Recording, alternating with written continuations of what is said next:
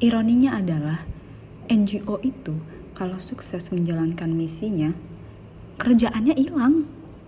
Jadi ya kalau misal ya ibaratnya gimana ya kalau misalnya lo tuh sukses banget uh, dalam menjalankan uh, untuk menghilangkan social issues yang lo hadapin gitu ya ya berarti kan kerjaan lo juga hilang kan gitu jadi kayak makanya lo harus siap untuk kehilangan pekerjaan karena uh, masalah yang lo hadapin itu ya berhasil untuk ditaklukkan gitu berhasil untuk diselesaikan gitu.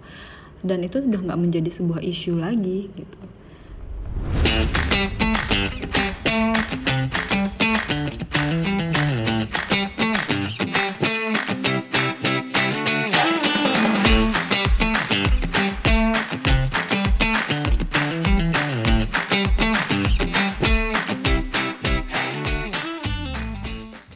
Pada tahu nggak sih, Indonesia itu termasuk negara yang orang-orangnya kolektif. Apa sih kolektif itu? Nah, simpelnya, orang-orang kita itu secara umum mementingkan kepentingan bersama dibandingkan kepentingan individual. Dan itu ketara banget kalau dibandingkan dengan negara-negara lain. Makanya kayak gotong royong, ngumpul-ngumpul, dan segala sesuatunya tuh harus dirayakan, itu tuh Indonesia value banget.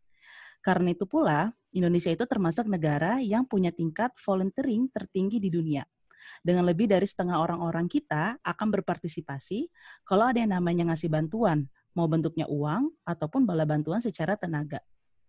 Nah, pasti kalian gak awam deh ngelihat organisasi-organisasi charity atau yayasan yang bergerak di berbagai macam bidang. Misalnya kayak di edukasi, ataupun di bidang seperti memberi santunan kepada anak yatim. Nah, atau nih, mungkin malah kamu nih yang lagi initiate untuk membangun your own charity. Tapi gimana sih emang lika-likunya? Mindset apa sih yang harus di-set? Dan skill apa aja nih yang kamu perlu siapin kalau kamu ingin berkecimpung di dunia charity ini? Nah, hari ini aku mengundang Nabila, teman lamaku di kuliah, dan seorang founder charity namanya Jajan Pahala. Aku biasa manggil dia Oncom sih, bukan Nabila. Jadi, Com, apa kabar? Alhamdulillah, baik. baik, baik, Ya Allah. Aku banget ya gue. Terima kasih ya sudah meluangkan waktunya untuk datang Sama-sama. dan sharing di podcast Tips and Trick ini. Thank you Titi yang udah ngundang dan thank you siapa pun yang mendengarkan. yes. Nah, Com, ceritain dong lo tuh sekarang sehari-hari kesibukannya tuh apa dan sebenarnya kalau lo bisa share sedikit tentang jajan pahala itu apa sih? Boleh banget loh. Oke, okay, uh, eh, namaku Nabila. Aku lagi sibuk sekarang sih lagi sibuk kuliah.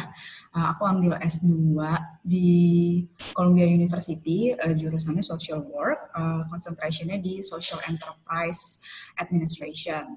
Hmm. Uh, terus, jadi itu di program kuliah aku juga, jadi aku kayak kuliah dua hari, terus tiga harinya itu aku internship uh, semester lalu aku internship di kayak charter school gitu jadi school, uh, social work intern. Uh, nah tahun ini insya Allah uh, aku lagi internship di UNICEF uh, New York gitu. Nah hmm. uh, makanya jadi kesibukan aku berkisar di situ aja sih gitu. Di sekolah sama uh, internship.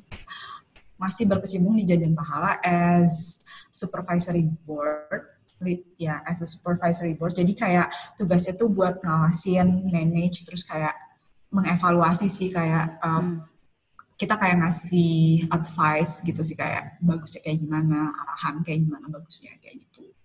Hmm. Uh, jajan pahala itu sebenarnya, jadi jajan pahala tuh startnya mungkin di tahun 2015. Nah, hmm. berarti sekarang udah sekitar lima tahun ya, lima tahunan. Uh, awalnya itu cuma sebagai community sih, jadi kayak komunitas orang-orang yang mau bareng-bareng uh, do something good gitu. Hmm. Uh, terus kita sering ngumpul, kayaknya sama Titi juga pernah kan ya kita kayak pernah yes. masak-masak di rumah bebes, nggak sih? Ya makanya kayak berawal dari ngumpul ngumpul-ngumpul teman-teman kuliah itu, terus hmm. kayak lama-lama uh, ternyata ke kampus-kampus lain banyak yang mau join juga gitu. Hmm. Uh, Nah, itu akhirnya alhamdulillah tahun 2019 itu kita uh, transform jadi yayasan gitu. Hmm. Jadi udah bentuknya udah legal sekarang. Gitu. Nah, uh, kalau misalnya kadang aku suka bingung sih kalau ditanya kayak jajan pahala tuh sebenarnya fokusnya apa sih gitu kan apa sih social issues yang mau di attack gitu kan hmm. aku juga bingung kayak soalnya terlalu banyak gitu loh jadi kayak kita apa pun yang apa pun yang kita lihat bahwa wah ini kayaknya align nih sama mission kita gitu. Jadi kita kayak atau align sama vision kita gitu. Jadi kayak ya udah kita uh, coba untuk bantu di area sana gitu. Ini dan kita tuh fokusnya ke crowdfunding. Jadi kita bener uh, apa ya kayaknya kalau sekarang ya revenue-nya itu uh, 80% sampai 90% itu crowdfunding. Hmm. Uh, sisanya 10% baru partnership sama uh, bisnis kayak ada small business gitu, small hmm. enterprises atau sama perusahaan-perusahaan besar kayak Telkom, Telkomsel kayak gitu. Jadi um, buat yang dengerin uh, bisa dicek jajan pahala juga di Instagram ada ya com ya? Yes Kalau yes kita emang main communicationnya emang via Instagram dan apa ya? Dan ini tuh yayasannya tuh benar-benar volunteerism kayak benar-benar volunteerism volunteer based gitu. Jadi kita hmm. sama sekali nggak ambil profit atau untung dari uh, donasi yang didapat gitu. Jadi misalnya kita dapat hmm. donasi 20 juta gitu misalnya. Nah itu 20 juta tuh benar-benar full buat uh, buat penerima gitu. Jadi kayak hmm. kita ya cuma ngelola aja gitu.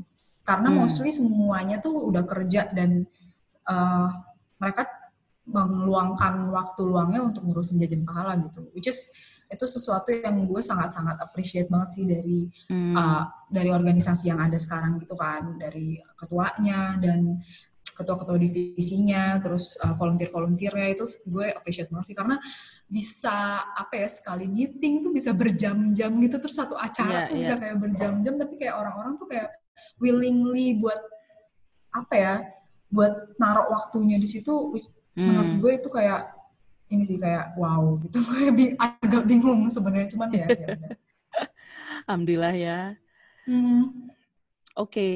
jadi um, alur podcast hari ini kita akan ngebahas berbagai macam pertanyaan juga sih. Jadi kayak kita akan bahas tentang sebenarnya definisi charity itu apa sih gitu. Mm-hmm. Um, terus nanti mungkin Oncom juga bisa cerita tentang kayak kenapa sih pada akhirnya memutuskan untuk bangun charity. Uh, tapi yang juga yang lebih penting lagi itu adalah sebenarnya based on the past experience, apa sih common mistake dan juga kayak skill-skill apa yang penting banget what kind of mindset yang harus dimiliki, terutama buat kalian-kalian yang sedang berkecimpung di organisasi charity atau yang mungkin lagi membangun uh, organisasi sejenis juga. Dan tentunya terakhirnya uh, kita akan share juga tips and trick apa aja sih yang bisa diaplikasikan dan harapannya semoga bisa membantu keberjalanan um, kegiatan kalian di charity ini juga. Oke, jadi Com, sebenarnya menurut lo apa sih charity itu? Charity itu tuh sebenarnya apa ya kayak hmm, the act of giving gitu sih kayak hmm. lo lo melatih kebiasaan lo untuk memberikan sesuatu ke orang lain gitu. Charity itu mungkin bisa bisa jadi kata kerja tapi bisa juga jadi uh, sebuah badan gitu kayak sebuah organisasi kayak yayasan atau NGO gitu. Nah, hmm. Nah itu apa namanya tujuannya untuk uh, mengatasi social issues apa pun hmm. yang kamu care misalnya kayak poverty atau anak apa uh, anak-anak yang terlantar hmm. atau apa ya atau bencana alam kayak gitu. I see. Mm-mm. Nah, lo sendiri kenapa Com akhirnya memutuskan untuk yuk kita bangun yuk jajan pahala gitu?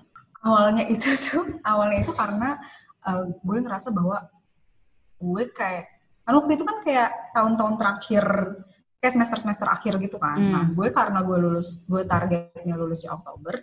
Jadi pas awal-awal 2019 eh 2015 tuh kayak nganggur nggak jelas gitu loh kayak SKS hmm. dikit terus kayak di Bandung nggak ada nggak ngapa-ngapain gitu kan terus kayak gue kayak pingin ngelakuin sesuatu yang uh, gue passionate tapi gue uh, tapi bisa apa ya kayak maksudnya bisa bermakna juga loh buat hmm. orang lain kayak gitu oh dan waktu itu juga gue kayak lagi ada masalah kehidupan gitu jadi kayak gue menganggap bahwa gue harus keluar nih dari bubble ini gitu dari bubble hmm. ketidakjelasan ini gitu kayak dunia ini gak semuanya tentang gue gitu karena hmm. kayaknya hmm. orang gak gue nggak salah waktu itu kayak waktu kuliah gue kayak gue berada dalam satu bubble bubble ITB yang which is itu sangat-sangat privileged dan hmm. apa ya apa ya, kayak selfish aja sih menurut gue waktu itu gue hmm. uh, pola pikirnya kayak kayak gue mikirnya uh, apa ya kayaknya gue uh, bisa nih ngelakuin sesuatu untuk orang lain gitu kan dengan uang yang gak seberapa dan dengan waktu yang gue punya banyak gitu kan ya udah hmm. akhirnya kayak ya udah ngajak ngajakin temen eh kita awalnya tuh bikin makanan buat buka puasa buat semuanya buat buka puasa hmm. kenapa harus gue yang bikin dan waktu itu kita kayak ya udah bikin aja sendiri makanannya gitu kan pasti hmm. harganya juga lebih murah dan lebih banyak yang bisa kita dapetin juga karena ya udah akhirnya kayak ya udah waktu itu mulai masak-masak gitu terus kita ngasih ke masjid Salman waktu itu hmm. uh, dan sebenarnya gue bersyukur banget sih waktu itu kayak memilih jalan yang ribet kan maksudnya sebenarnya orang kan juga ya ya udah sih lu beli aja di abang-abang gitu hmm. kan terus lu beli terus lu kasih gitu kan kayak itu sebenarnya hmm more, itu kayak simple banget kan sebenarnya. Tapi yeah. kenapa sih ngapain sih lu ribet-ribet masak gitu atau uh, even kita gede tuh yang kita punya gede tuh yang apa Ramadan. Jadi kalau Ramadan kita bagi-bagi sembako. Lu ngapain anjir ngebungkusin satu-satu gitu. Iya, yeah, iya. Yeah. Plastiknya satu-satu terus lu nganter-nganterin. Lu ngapain sih gitu kan kayak kasihnya duit gitu kan. Jadi hmm. kayak ada orang yang kayak ngomong, bilang gitu ke gue gitu. Kenapa sih gitu? Nah, gue baru ngerti waktu itu gue jawabnya cuma kayak ah ah ya udahlah gue maunya kayak gini gitu. Udah hmm. lu nggak usah inilah nggak usah apa namanya udah ya, nikmatin aja gitu jalannya. Waktu itu gue cuma simple gitu. Tapi setelah gue belajar bahwa ternyata tuh uh, secret sauce-nya di volunteerism itu sebenarnya uh, pun apa ya having a close ties relationship. Maksudnya kayak hubungan dekat gitu loh. Kayak yang terbentuk dari kegiatan yang ribet-ribet itu gitu.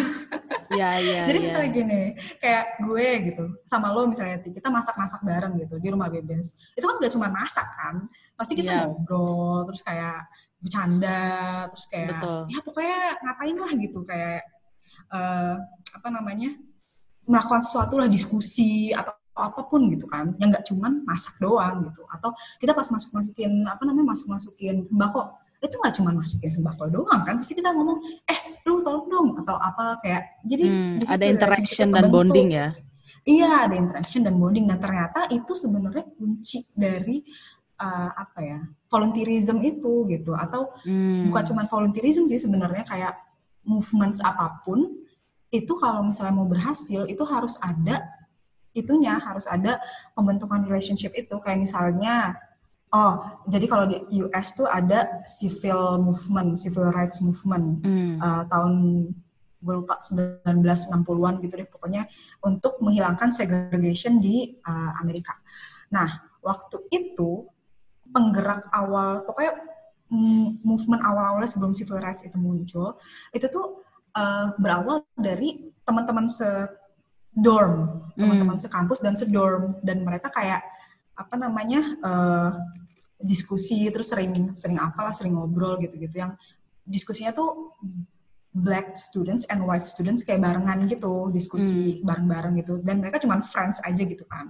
Nah pas uh, ada movements yang mereka tuh kayak maksa duduk di tempat yang harusnya tuh buat orang kulit putih gitu. Si orang kulit hitam ini mereka maksa duduk di tempat yang kulit putih. Nah itu tuh uh, apa movementnya jadi gede banget gitu. Hmm. Uh, mostly orang kulit hitam yang apa berusaha untuk uh, melakukan itu, tapi ke akhir-akhir tuh ada juga orang kulit putih yang datang dari daerah yang kan north sama south kan beda banget kan ininya apa namanya culture-nya. Hmm. Uh, yang north tuh pada datang ke south buat ngebantuin si temennya ini. Nah itu tuh sampai dibunuh-bunuh, sampai ditangkap-tangkapin, tapi tuh mereka tetap willingly buat ngebantuin teman-teman yang mereka yang kulit hitam ini kenapa? gitu kan. Padahal it's not their fights gitu kan. Nah karena hmm. close ties yang udah dibangun di pas universitas itu pas mereka udah ngobrol udah pokoknya hmm. mereka udah jadi teman banget lah gitu istilahnya. Nah itu yang uh, rahasianya sebenarnya. Kenapa sih bisa uh, volunteerism ini bisa terjadi gitu dari situ? I see Oh, gue baru tahu juga sih sejarahnya. That's a good insight. Panjang banget ya. Iya. Panjang banget ya gue jawabnya. Tapi maksudnya iya, yang gue tuh baru nyadar gitu pas gue belajar kayak, hmm. wow, wow. I see, I see. Jadi apa yang awal mulanya itu dari mengisi waktu luang dan menghabiskan waktu bersama orang-orang yang juga punya visi yang sama, dan pada akhirnya kayak seiring waktu itu jadi ke scale up, scale up, scale up, scale up besar. So that's why gitu. Jadi kayak uh, dari cerita lo sih yang gue tangkep itu adalah driver utamanya itu ya kayak lo mulai aja dulu gitu lo bergerak kayak yes. yuk kita mulai gitu. Dan yeah, that's the most important thing ya. Yeah. Iya. Oh, menarik sekali. Jadi kayak apa ya? Dan biasanya nih kalau misalnya apa uh, lo ngumpul nih gitu di hmm. satu social movement gitu hmm. atau uh, ya di satu social movement saya istilahnya. Kalian tuh punya misi yang sama gak sih kayak secara hmm. apa ya underlying underlying values di hidup lo tuh kayak sama gitu gak sih kayak yeah, yeah. apa ya lo sangat sangat ingin bantu orang gitu nah hmm. uh, apa komponen-komponen bantu orang ini juga bisa didiskusikan nanti. Tapi maksudnya uh, kita bahas ini dulu ya kayak uh, karena karena bantu orang itu sendiri kayak banyak banyak layers yang harus dikritisi sebenarnya.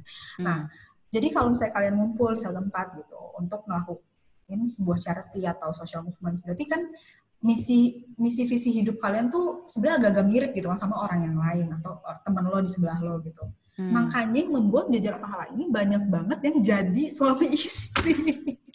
Luar biasa betul, betul sekali. Jadi ajang cari jodoh ya. Jadi Karena misi-misi udah jelas.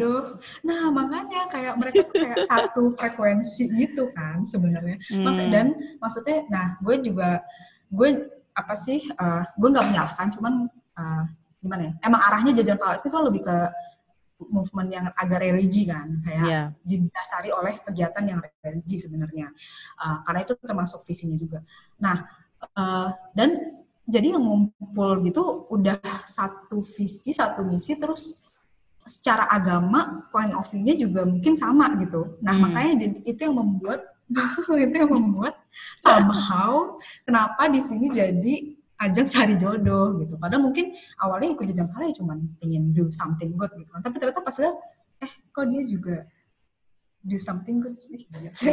Asik. Di situlah muncul benih-benih. tapi, tapi itu menarik tapi, sih. Menur, menurut gue, tapi awalnya itu sih. Jadi kayak walaupun lo ngelihat bahwa jajan pahala, ih banyak banget nih yang apa dapet jodoh di jalan pahala gitu. Tapi niat lo tuh harus lurus gitu loh pas awal hmm. kegiatan apa pun ya, bukan cuma jajan pahala, tapi kegiatan charity apa pun niat lo tuh harus lurus gitu loh. Yeah, Karena yang yeah, gue lihat yeah. sih yang dapat emang yang niatnya lurus-lurus menurut gue. Jadi kayak Iya yeah, betul betul. kayak Jadi kayak lo uh, join atau lo setup charity ini niatannya tuh apa ya harus clear dan dan harus jelas purpose-nya gitu karena kayak kalau udah niatnya beda nih, ya lo nggak akan dapat manfaat yang lo lo harap lo dapatkan juga kan. Iya, iya benar sih, benar, benar banget. Kayak apa sih? Ya, ya gitu sih kayak maksudnya di hadis gue lupa di hadis Nabi Muhammad ya, apa gitu disebutkan kayak lurusin dulu niatnya gitu kan kayak hmm. niat tuh kayak yang paling pentingnya gitu nah menurut aku kayak si niat itulah yang harus di pupuk sebenarnya dari awal. Hmm. Itu juga yang kedua tuh poin penting. Gue gak tahu itu yang pertama atau kedua tapi sama penting menurut gue. Si niat itu, niat lo untuk bikin syarat itu apa gitu. Kalau misalnya lo niatnya aja udah niatnya niatnya enggak bukan salah lurus. sih tapi kayak bukan salah sih iya. enggak enggak apa ya enggak kayak pada dasarnya tulus, charity itu adalah ya? betul enggak tulus uh -uh. hmm. karena Menarik. kayak lo kalau ya? datang charity niatnya cari jodoh, ya uh, lo nggak dapat jodoh, lo ngerasa lo gagal di charity-nya.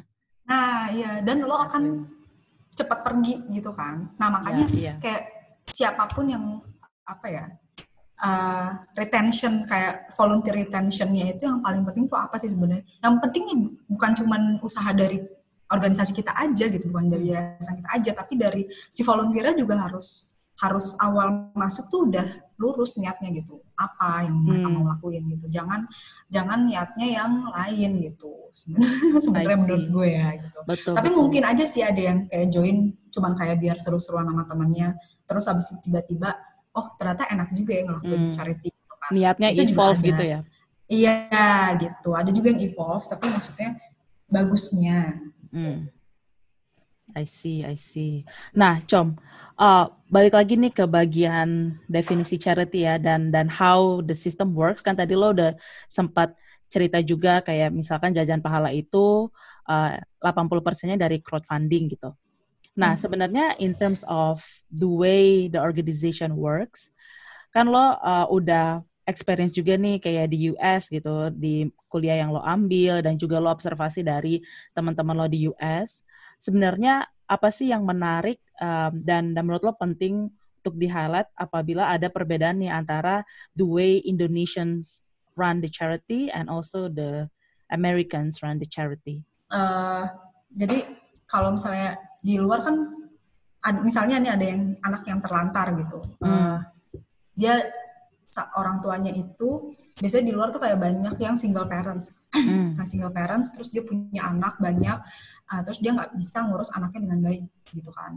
Menurut menurut ini ya menurut moral values mereka gitu menurut moral values orang yang di sekitar si ibu itu gitu. Hmm. nah nanti uh, mereka ngebantunya ya pasti anak itu udah apa ya kelihatan di neglect banget. Maksudnya kayak badannya kotor terus ada bruises maksudnya kayak apa ada luka-luka kayak gitu karena dipukulin sama nyokapnya misalnya kayak gitu. Tapi kenapa dia nggak ngebantuin root cause-nya kenapa sih dia susah gitu? Karena poverty kan gitu. Kenapa Hmm. lo nggak bantuin dia keluar dari poverty biar mereka tuh nggak ngalamin hal itu gitu? Instead Hmm. uh, you put money di uh, you, you put big money di uh, program-program yang reaktif seperti uh, child protective protective protective services gitu yang bantuin Hmm. memang bantuin anak-anak yang di abuse, di neglect gitu. Tapi kayak that's not the root cause gitu kayak Hmm, hmm, Ya, hmm. tapi ya gitulah emang susah sih untuk sistematis gitu karena lo harus lo harus punya resource yang banyak dan lo harus punya orang-orang yang dedicated buat nyelesain issues tersebut gitu. Hmm. Kenapa jadi situ ya? Enggak sih itu menarik, banget. menarik banget. Jadi kayak in terms of uh, the system ya atau kayak organisasinya sendiri, um, yang menarik itu sih tadi sih uh, preventif versus reaktif ya. Jadi even di uh, US atau di Indonesia pun masih reaktif. Tapi yang menarik itu adalah source of fundingnya. Uh, kalau di US mungkin lebih uh, besar sokongan dari negaranya gitu ya. Kalau di Iya. Indo tuh um, crowdfunding itu mungkin yang lebih populer. Iya lebih populer. Uh. Sebenarnya banyak grant writing juga, cuman Hmm. nggak se apa ya nggak se besar crowdfunding. Iya nggak semasif crowdfunding sih. Apalagi kan sekarang juga udah banyak yang kayak social media, terus Hmm. kayak di kita bisa juga banyak platform-platform crowdfunding yang uh, bisa ngelakuin itu gitu. Jadi istilahnya nggak cuman konglomerat besar aja yang bisa punya foundations atau bisa do Hmm. something good for their environment, tapi kayak orang-orang biasa pun bisa istilahnya merasakan bahwa oh ini nih the act of giving tuh kayak apa sih gitu. I see. Nah, tadi kan kita udah ngomongin tentang sistem atau organisasinya bekerja seperti apa dan perbedaan-perbedaannya. Nah, sekarang kalau kita ngomongin tentang orangnya nih, Com. Jadi orang-orang yang berada di dalam organisasi tersebut, um, sebenarnya apa sih menurut lo skill atau attitude atau mindset yang kayak, oke kalau gue mau bekerja um, di organisasi charity, what are the things that I should know in terms of uh, the mindset or attitude or the soft skills? Pertama ya empati, pertama empati. Tapi lo juga harus resilient gitu loh untuk berusaha dengan mereka hand in hand untuk Hmm. bantuin bukan bukan bukan untuk bantuin sih tapi kayak untuk mengempower orang tersebut untuk bangkit dari masalahnya dia gitu. Karena Hmm. karena istilahnya gimana ya? Kalau sekarang tuh orang di charity ngelihatnya uh, ini orang perlu dibantu nih. Sebenarnya nggak kayak gitu juga sih gitu. Karena Hmm. setiap orang punya agensi masing-masing nggak sih kayak Hmm. pun- mereka oh, setiap orang tuh punya kemampuan untuk mengangkat diri mereka sendiri dari masalah sebenarnya. Nah, the act of giving yang menurut gue lebih pas itu adalah gimana lo bekerja sama dengan orang apa namanya orang yang lo uh, ingin bantu gitu bekerja sama dengan dia untuk sama-sama membantu dia keluar dari masalah yang dihadapin gitu. Karena gimana ya uh, misalnya lo niatnya lo baik nih sebenarnya tapi niat baik itu juga bisa berdampingan dengan ketidakpedulian. Hmm. Uh, contohnya gimana tuh com jadi kayak lu nolong orang nih misalnya. Hmm. terus uh, kayak ini orang nih anaknya misalnya nggak bisa sekolah gitu. Karena dia uh, school from home gitu misalnya dia hmm. nggak hmm. bisa sekolah karena dia nggak punya HP gitu misalnya hmm. nah ya udah lu bantuin lu beli beliin HP gitu kan hmm. tapi kan itu nggak stop di sana kan sebenarnya hmm. gitu karena dia pasti harus beli pulsa bla bla bla gitu kan yang dia dapat dari mana sih itu pulsanya gitu kan nah, hmm. nah jadi tapi lu nggak mempedulikan hal itu gitu karena lu ngerasa oh gue udah masih HP nih which is gue udah gue udah baik banget gitu kayak apa ya iya kayak lu udah ngerasa I'm doing something good gitu nah tapi hmm. neglectnya itu adalah lo menghiraukan sebab kenapa dia nggak bisa beli HP gitu hmm. padahal itu sebenarnya root cause-nya gitu hmm, jadi apa ya the intention is good tapi execution-nya tuh bisa berdampingan dengan neglect atau uh, ketidakpedulian gitu. Karena hmm. itu tadi jadi charity itu tuh bisa apa bisa sebenarnya di situ tuh ada dua pihak yang sama-sama win-win yaitu hmm. yang dibantu dan yang membantu gitu kan.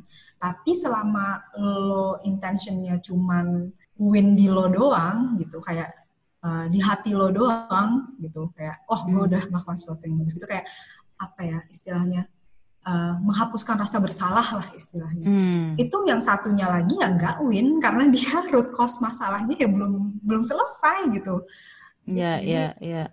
Jadi kayak melihat sebagai sebuah sistem gitu kali ya karena hmm. karena kita kan juga diajarin kan di TIT kayak ya, betul. di teknik industri kayak harus ngelihatnya tuh secara helikopter view gitu lo harus ngeliat hmm. root cause-nya apa sih gitu nah itu sebenarnya yang apa yang bisa dari TI-nya tuh gue bawa nih ke social work gitu itu apa gitu. hmm. cara lo ngelihat secara sistem dan apa si root cause masalahnya itu tadi apa jadi uh, itu holistik banget sih sebenarnya kemampuannya hmm. harus resilient, harus empathy, tapi harus suka belajar juga gitu karena hmm. social issues itu banyak yang belum ter banyak yang belum dikritisi apalagi di Indonesia hmm. karena lu sekali krit lu karena kita datanya tuh nggak transparan. Kalau misalnya di US hmm. kan data transparan. Terus uh, banyak orang yang udah educated dan sistem edukasinya itu untuk yang apa ya untuk yang uh, ini sih yang kayak udah undergrad atau grad gitu. Itu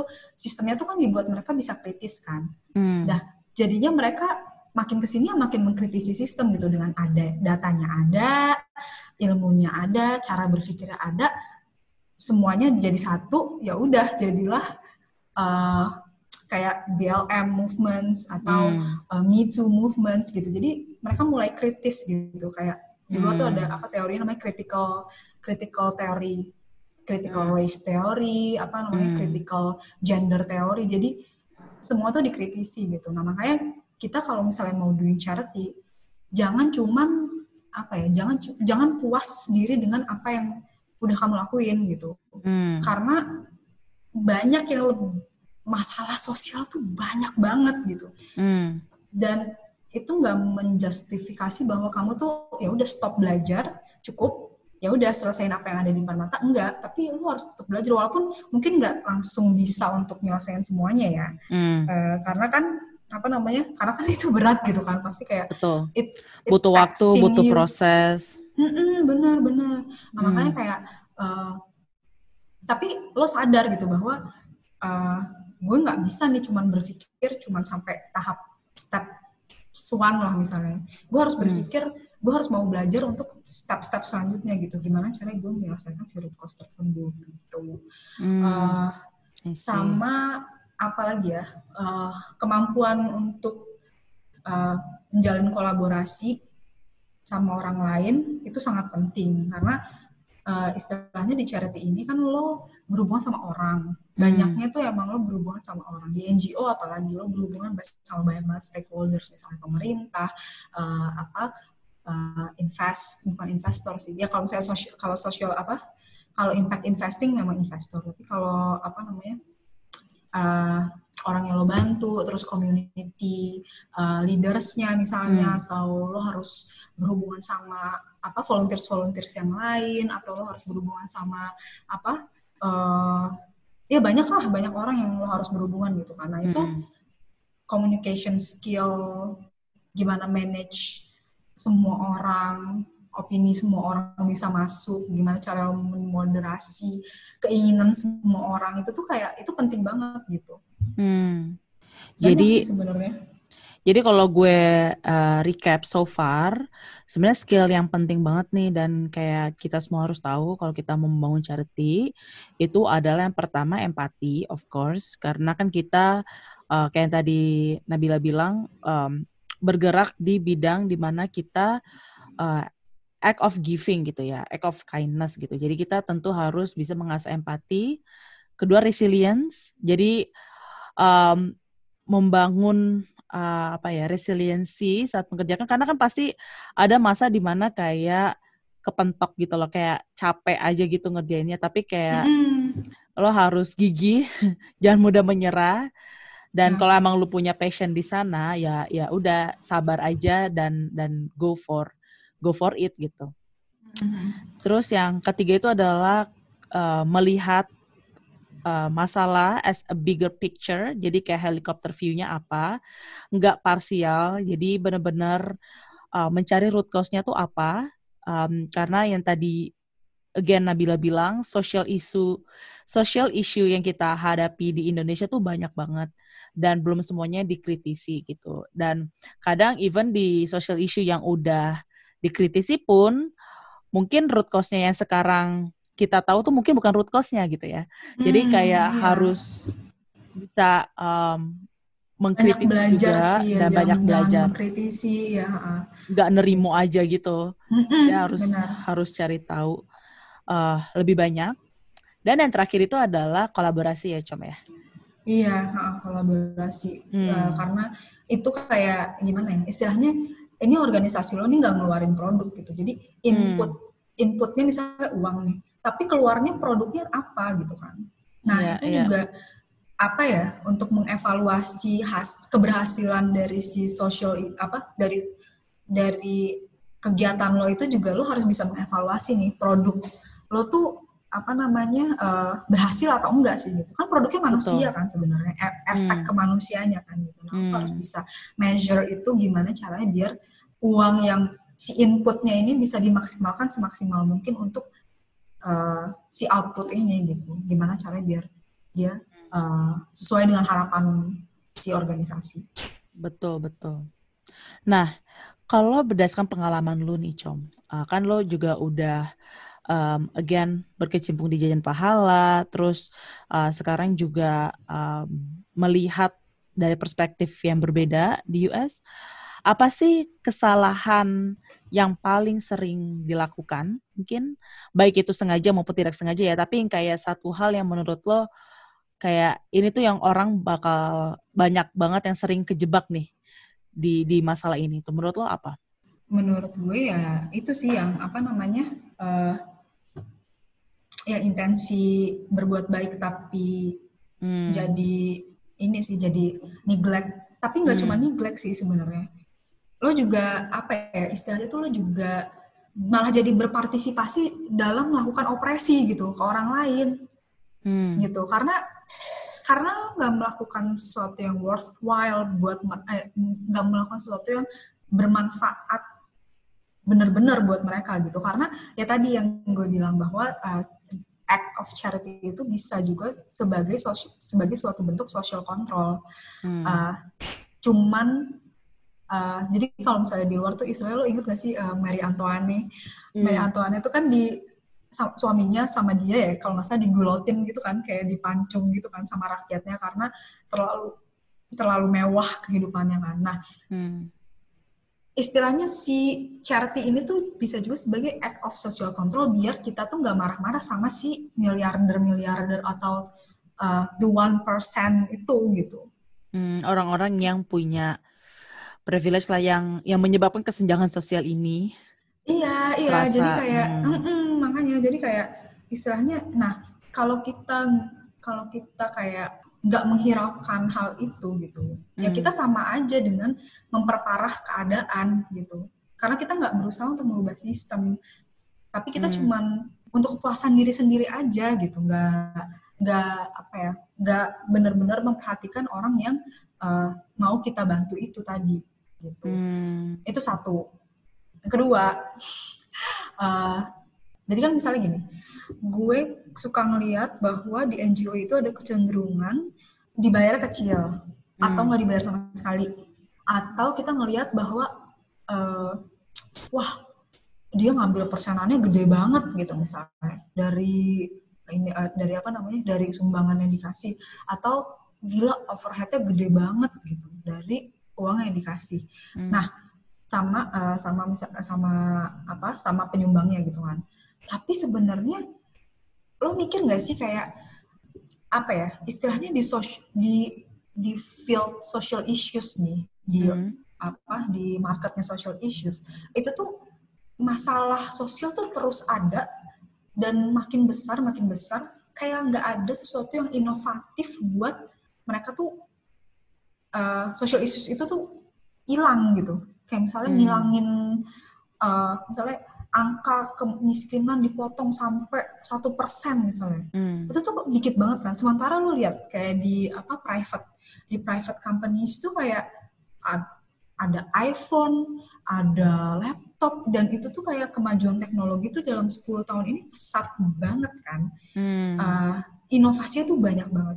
Lo kalau compare dua dua apa dua dunia ini gitu private sama social gitu. Nah itu kayak apa ya ini tuh kita di satu bumi yang sama gitu kenapa dua hal ini nggak bisa sama-sama hmm. melesat nggak bisa sama-sama melejit gitu nah hmm. karena nggak tahu sih kayak gue belajarnya bahwa si orang-orang tuh merasa bahwa kalau mereka masuk ke sosial itu mereka bakalan miskin gitu karena memang begitu gitu karena memang kenyataannya begitu bahwa kalau misalnya lu kaya karena uh, apa namanya lu kaya karena lu digaji sama si organisasi lu gede padahal lu di sosial uh, maksudnya di bidang sosial gitu yang mengatasi masalah masalah sosial. Ya istilahnya orang-orang pinter yang di McKinsey misalnya atau kayak uh, konsultan-konsultan atau kayak orang-orang yang masuk MBA gitu ya nggak akan mau lah mereka pindah ke sosial gitu kan.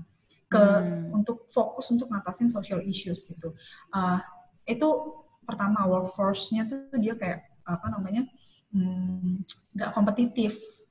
Jadi inovasi itu hmm. jarang terjadi gitu. Nah, sementara orang tuh apa ya? Uh, tapi masalahnya adalah orang tuh kalau nyumbang nggak mau gede di revenue, eh nggak mau gede di overhead gitu. Sementara hmm. si kalau misalnya di private nih, lo lihat iklan setiap hari di mana-mana macam-macam banyak banget. Uang yang dikeluarin sama perusahaan untuk ngiklan tuh gede banget. Sementara hmm. di apa NGO, NGO kalau ngiklan gede banget kayak gitu apa nggak di bisik-bisikin kayak maksudnya kayak ih apaan sih gitu kayak apa nggak digibahin yeah. di belakang ya nggak sih itu kan padahal kan kita gitu ya iya makanya kan itu kan uang kita kenapa sih mau dibuang-buang buat marketing padahal kan lu kalau mau scale up hmm. itu kan lu hmm. harus ngiklan kan ya lo kan lo Betul. inilah lo market lo marketing lah gitu kan hmm. lo ngerti lah gitu kan padahal hmm. kalau misalnya lo mau uh, scale up si bisnis itu gitu lo harus hmm. ngiklan karena kalau lo nggak ngiklan ya lo nggak dapet nggak dapet or, orang yang mau nyumbang ke lo gitu loh istilahnya betul Jadi betul kayak, betul apa ya social social enterprises uh, eh, NGO itu kayak di di di apa ya ada diberikan standar yang tidak adil sebenarnya sama society. Hmm. Jadi istilahnya masalah yang dihadapin banyak, tapi standarnya tuh nggak fair gitu loh bila dibandingkan see, sama private private companies ya gitu. Padahal sebenarnya yang private companies juga belum tentu semua yang dihasilkan itu bagus gitu. Belum tentu hmm. semua yang dihasilkan bermanfaat. Misalnya kayak uh, Facebook misalnya, lo nontonlah social dilemma hmm. atau apa, social dilemma gitu, kayak lo ngasih duit banyak banget ke startup startup itu atau Silicon Valley hmm. uh, companies gitu, uh, sementara sementara lo kayak nggak rela banget nih kalau misalnya duit lo yang lo sumbangin gitu itu buat marketing untuk mendapatkan uh, apa mendapatkan exposure yang lebih banyak gitu mendapatkan hmm. uang yang lebih banyak untuk disumbangkan ke uh, social issues tadi gitu untuk apa hmm. didedikasikan ke social issues tadi jadi kayak standarnya tuh beda gitu yeah, jadi kayak yeah. it's unfair uh, but then again it's the society. Jadi kayak itu susah hmm. untuk diubah. Kecuali kalau misalnya lo dari foundation gede gitu ya. Yeah, yeah. yang punya duitnya gitu kan. Jadi kayak iya yeah, betul. Jadi kayak ini uang gue gitu kan. hmm. iya gitu. Tapi ya gitu sih. Makanya kayak itu udah mindset sebuah mindset yang salah gitu sih sebenarnya menurut gue. Hmm. jadi tuh kayak saat kita ngebangun sebuah charity atau non-profit organization, itu tuh kita nggak bisa semerta-merta cuman kayak mikirin oke okay, ini ada dana yang kita terima, kita kasih ke orang lain, that's it gitu. I mean that's that's good, that's what hmm. charities is about. Tapi ada juga masalah pengembangan inovasi atau scale up yang something yang mungkin company-nya atau kayak organisasinya harus invest gitu dan hmm, itu bisa kayak yes. invest ke sumber daya manusianya lah yes. orang yang direkrutnya siapa lah karena kan nggak -hmm. mungkin ya walaupun maksudnya niat baik itu penting itu kayak dasar tapi kan lo nggak mm -hmm. bisa mengembangkan organisasi cuma dengan niat baik kan lo juga perlu mm -hmm. ilmu lo perlu plan lo punya strategic plan gitu karena overall lo yes. lo kan tujuan utamanya untuk men-scale up itu dan scale up itu butuh yaitu tadi inovasi butuh kayak um, communication ke wider audience supaya orang-orang aware dan segala macem dan pasti ya balik lagi ke gimana lo mengelola dananya dan being transparent about it gitu. Tapi di satu hmm. sisi juga dilemanya adalah the stigma that society have, um, stigma masyarakat tentang um, NGO men-scale up itu tuh pasti udah konotasinya kayak dia ngambil untung doang nih gitu. Mm-hmm, yeah, Jadi itu bener, adalah sebuah dilema tapi sesuatu yang sebenarnya mulai dari kita yang dengerin bisa pelan-pelan coba diluruskan gitu ya. Iya, makanya hmm. kayak uh, invest in something yang nggak kelihatan itu ya itu juga bagus gitu. Hmm, Istilahnya betul. gimana ya? Kalau mungkin gue mikirnya kayak uh, lu nyumbang ke tempat yang lu percayai orang-orangnya itu bener-bener punya intention yang baik hmm. uh, untuk uang-uang yang mereka kumpul untuk uang yang mereka kumpulkan gitu. Istilahnya lo percaya sama value-nya gitu. Lo percaya sama value dan asal selama mereka transparan ya jadi kayak hmm. lo percaya gitu uh, apa yang akan mereka lakukan itu benar-benar bermanfaat berdampak gitu jangan cuma lihat orang tuh harus suffer buat nolong orang yang suffering lebih parah gitu jadi kayak itu kayak iya iya betul itu jadi, menarik sih kayak lo juga terseok-seok gitu kan Iya, ya, ya, ya. gimana ya? Lo lo bayangin deh, lo bayangin kalau misalnya lo lo terseok-seok, terus lo disuruh orang yang lebih terseok-seok lagi gitu. Apa ya, enggak? Apakah efektif? Hmm. Apa yang lo lakukan itu efektif enggak gitu? Kayak betul. Itu ya gimana ya? Ya hancur deh pokoknya.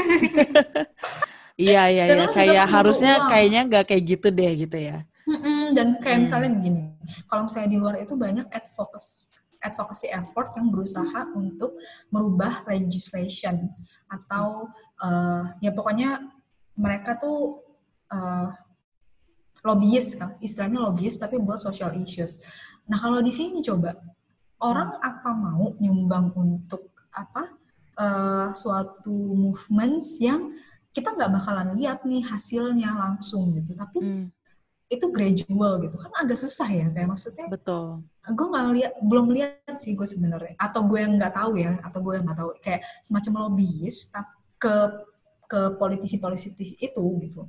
Untuk uh, mengedepankan uh, social issues um, maksudnya mengedepankan undang-undang uh, yang ber apa ya berpihak pada rakyat gitu hmm. kayak misalnya RUU PKS gitu atau uh, RUU uh, apa namanya omnibus law yang banyak hmm. banyak di kon, apa banyak kontroversinya.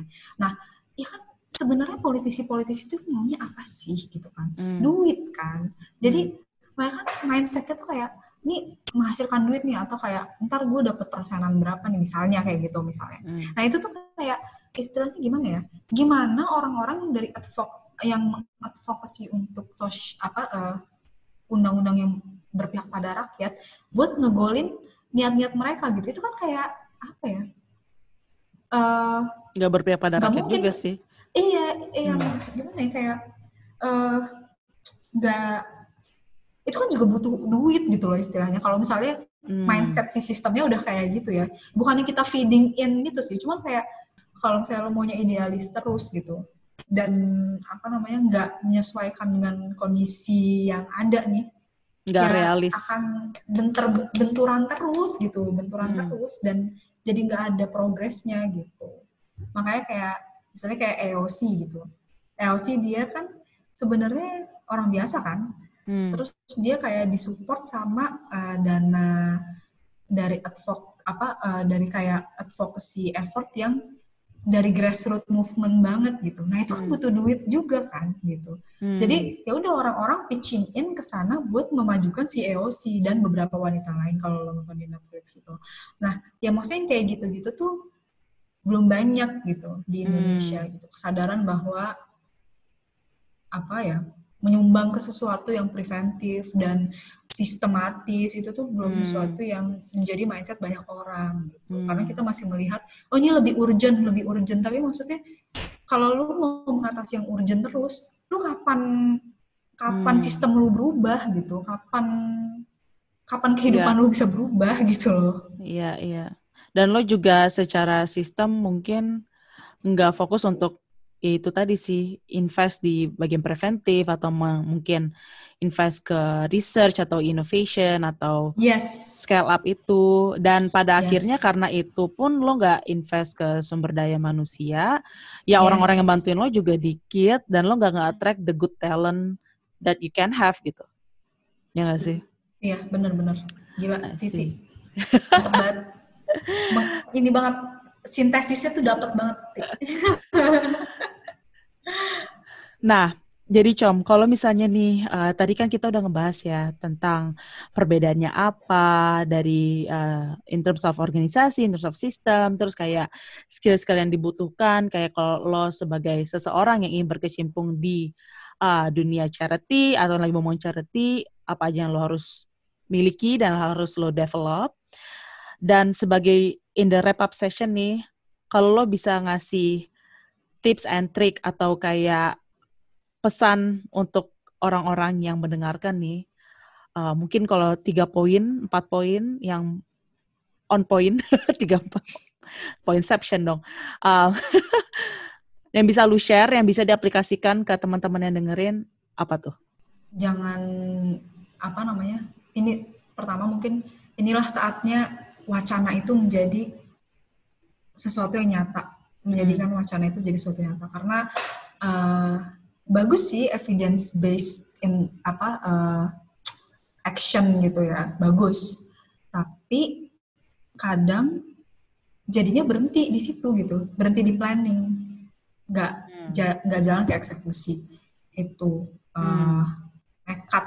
Jadi kayak uh, perlu nekat juga sih. Kayak Hmm. Kalau lo ngerasa niat lo udah bagus dan udah lurus, uh, ya itu sih nekat dan belajar sambil jalan gitu. Hmm. Tapi lo harus punya itu, lo harus punya keinginan banyak untuk belajar gitu kayak hmm. uh, membuka apa, membuka pandangan, banyak ngobrol sama orang lain itu hmm. perlu banget gitu. Uh, terus apa lagi? hmm, resilient itu tadi sama uh, cara lo membangun relationship hmm. uh, itu harus itu wajib banget sih makanya tadi yang poin yang gue bawa tentang uh, close tie relation close ties relationship itu kedekatan kedekatan pertemanan itu tuh penting banget karena memang di dunia volunteerism itu ya secara returnnya nggak nggak kalau misalnya ini lo mau dibayar gitu ya atau lo mau membuat hmm. NGO yang memang apa namanya uh, membayar gitu ya itu ya diakuin aja bahwa emang society masih kayak gitu jadi kayak ya nggak usah ngarep bayaran gede gitu kan yeah. apa sih yang membuat lo bertahan gitu. yeah, ya yeah. hubungan lo dan hmm. kesamaan visi misi itu tadi gitu hmm. nah, itu sih menurut gue dan mungkin ini kali ya kemampuan manaj kemampuan apa manajemen lo juga harus ada sih gitu hmm. cara uh, cara lo nge-manage apa organisasi karena kan ini lo mm. berhubungan sama banyak orang ya. Bagusnya kalau misalnya lo punya kayak satu ya kan orang kan nggak mungkin holistik punya semuanya kan. Betul. Jadi ya lo kumpulin talents yang uh, cocok nih sama lo misalnya lo tipenya mm. eksekutor gitu. Ya pilih orang yang misalnya dia uh, planner gitu ya. Mm. idenya tuh idenya tuh wah gila deh gitu tapi mm. dia nggak bisa ngelakuin nah ya udah hmm. uh, saling melengkapi aja gitu sih terus kayak misalnya ada yang uh, anak hukum which is penting banget karena ini kan berhubungan sama apa legalitas perusahaan hmm. kayak gitu gitu kan hukum anak finance ya lo kumpulin orang-orang dengan skill set itu sehingga lo bisa apa ya istilahnya saling melengkapi dan membuat suatu move, membuat movement lo itu transparan, accountable, hmm. terus kayak apa profesional kayak gitu-gitu sih. Hmm, I see. Wah, terima kasih banget ya Nabila Oncom sudah sharing uh, banyak banget dan sejujurnya juga gue malam ini belajar banyak banget dari charity apa. Menurut gue such an eye opener dan semoga meningkatkan awareness juga ke teman-teman yang dengerin uh, semakin tahu um, dan tentunya podcast ini episode ini tidak akan bisa langsung merubah how charity works to to be lebih baik. Seperti yang selalu gue bilang, itu proses, uh, proses pembelajaran. Jadi buat yang dengerin juga jangan sungkan-sungkan untuk melakukan riset lebih lanjut lagi, um, untuk cari tahu lebih banyak lagi, dan banding-bandingin juga nih sama negara-negara lain sebenarnya kita itu tuh uh, bisa improve di mana sih gitu. Jadi sekali lagi terima kasih setuju. Oncom sudah meluangkan waktunya. Terima kasih banyak Titi sudah mengajak dan mohon maaf kalau misalnya pembicaranya melanglang buana ke mana ke mana karena ya it menurut gue it's such a broad topics hmm. dan ya susah aja sih untuk membuat itu menjadi sesuatu yang concise hmm. terus uh, singkat dan straightforward gitu karena banyak reasoning di belakangnya yang membuat oh. jawaban itu kenapa ada jawaban tersebut gitu Betul. Dan mohon betul. maaf juga kalau misalnya ada yang tersinggung atau atau gue terlalu blunt. Tapi that's just the way it is. Hmm. Oke, okay, jadi stay tune terus untuk expertise series yang lainnya. Semoga ini mencerahkan dan stay tune. Thank you